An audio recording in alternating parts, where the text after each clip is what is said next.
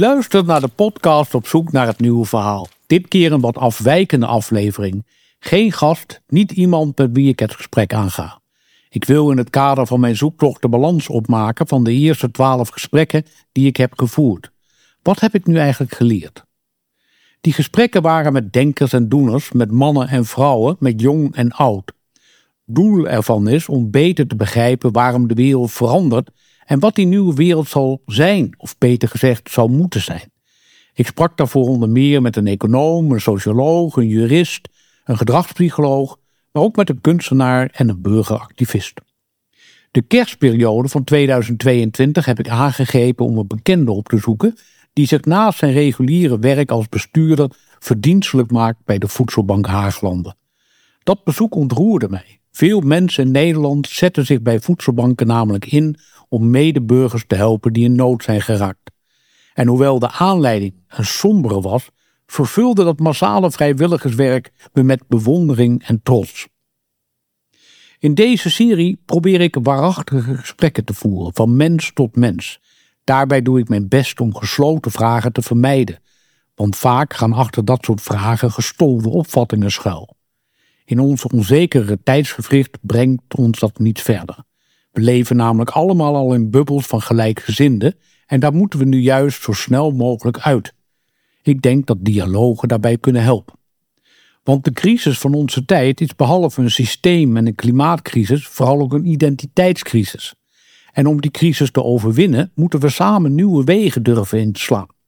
We bevinden ons namelijk op terra incognita. En om te zorgen dat we ons ook allemaal weer een beetje thuis gaan voelen, moeten we een nieuw verhaal vinden. Een verhaal waarin we ons allemaal, dat wil zeggen als burgers, herkend en gewaardeerd voelen.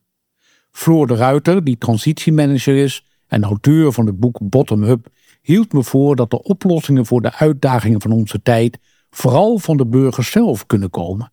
En dat de oplossingen ook veel dichterbij zijn dan we vaak denken. Eigenlijk hebben we het over de vraag in dat nieuwe verhaal waar jij mee eh, begon. Zeg maar voorbij eh, het marktliberalisme waar we in verzeild zijn geraakt.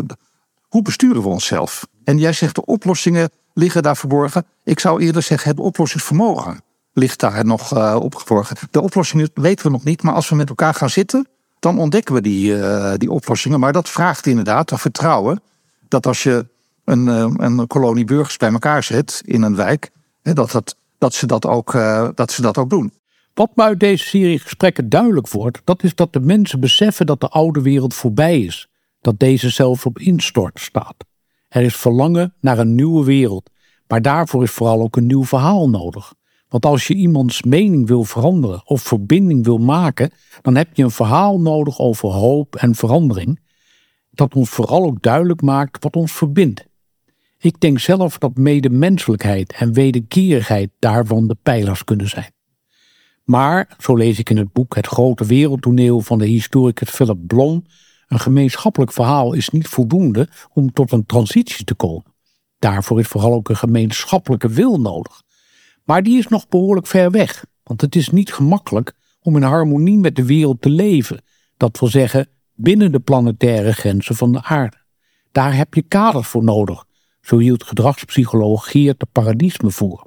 Ja, we moeten onszelf uh, het makkelijker maken voor onszelf. En ik denk dat we dat met overheidsbeleid kunnen doen. Dus dat we gewoon regels, kaders, uh, belastingen, et cetera, voor onszelf uh, bedenken. Waardoor iedereen meegaat. Mensen vinden het ook. Ik weet niet of je dat herkent, maar uh, ik probeer dan al een paar jaar om niet te vliegen. Nou, dat lukt aardig.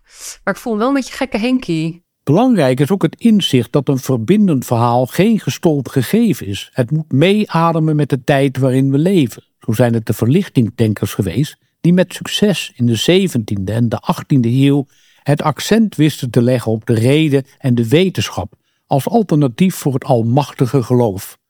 En daarmee wisten ze de onverzoenlijkheid van de godsdienst en de burgeroorlogen in Europa te overwinnen. Na 1945 werd het narratief verder aangescherpt en werd het kapitalisme manifest. Zowel uit politieke als uit commerciële belangen werd consumptie aan het verbindende verhaal toegevoegd. Enerzijds als motor van de economie en anderzijds als identiteitsbron van de samenleving. Journalist Tony Broekhuizen zei daarover het volgende. En dat werd uiteraard ook overgenomen door industriëlen, door de banken. En dus was er uh, was een hele bekende bankier, die heette Paul Mazur. En die werkte voor Lehman Brothers. En die, die is eigenlijk een van de eerste geweest die dat ja, beschreven heeft. Burgers moeten consumenten worden. Mensen moeten dingen verlangen.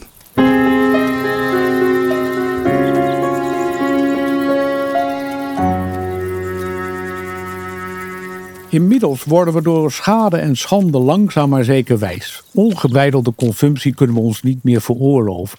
Zo passeerden we deze maand in Nederland al de zogenoemde Earth Overshoot Day.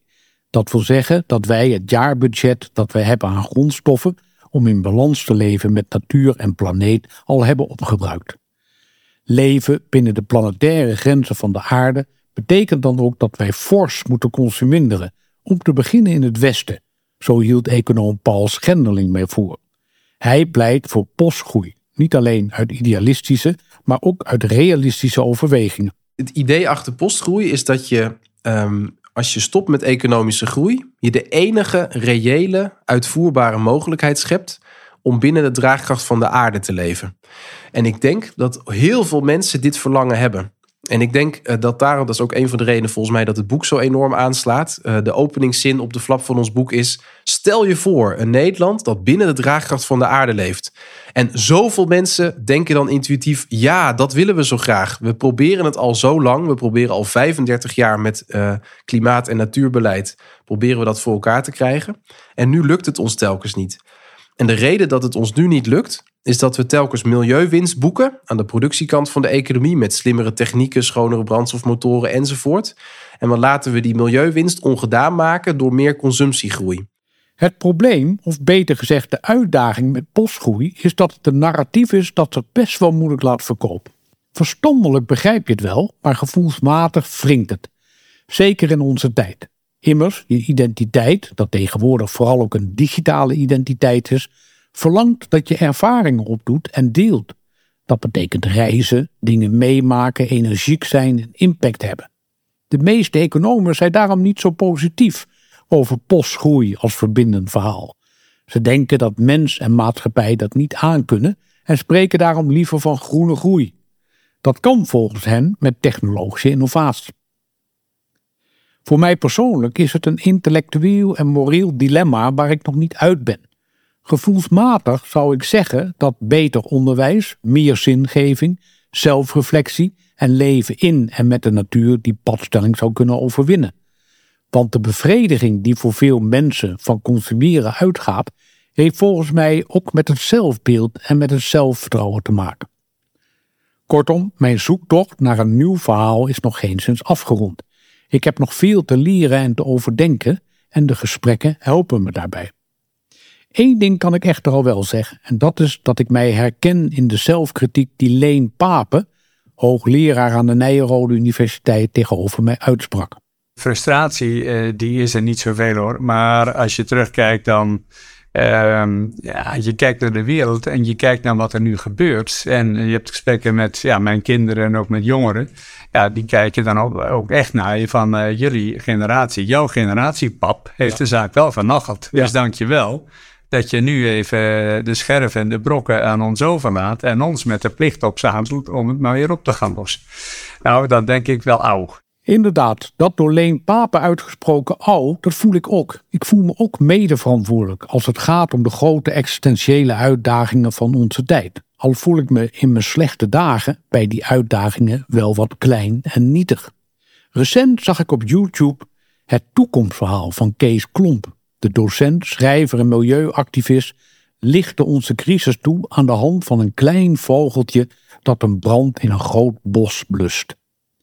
In zijn toelichting op dat verhaal zei hij dat je ervoor moet waken in het zij versus het ik narratief te worden getrokken. De oplossing ligt namelijk in de wijruimte, want juist daar bevindt zich het verbindende verhaal, het verhaal dat nodig is om een nieuw systeem te bouwen. Zo'n systeemverandering begint soms met een klein vogeltje. Het hoeft niet per se kracht te hebben. Het heeft alleen vastbeslotenheid nodig. En daarvoor hoeft het alleen maar intrinsiek gemotiveerd te zijn. Dat is wat een storymaker doet, zoals Kees Klomp zei. Veranderen begint met nieuwe inzichten. Samen, oftewel het wij veranderen, begint met overtuigen en waarden. Daarvoor is een verbindend verhaal nodig. Een verhaal dat leert van het verleden, vertelt over het heden en een leidraad is voor de toekomst. Want een tijdvak kan je alleen achter je laten als je het oude verhaal door een nieuw verhaal weet te vervangen.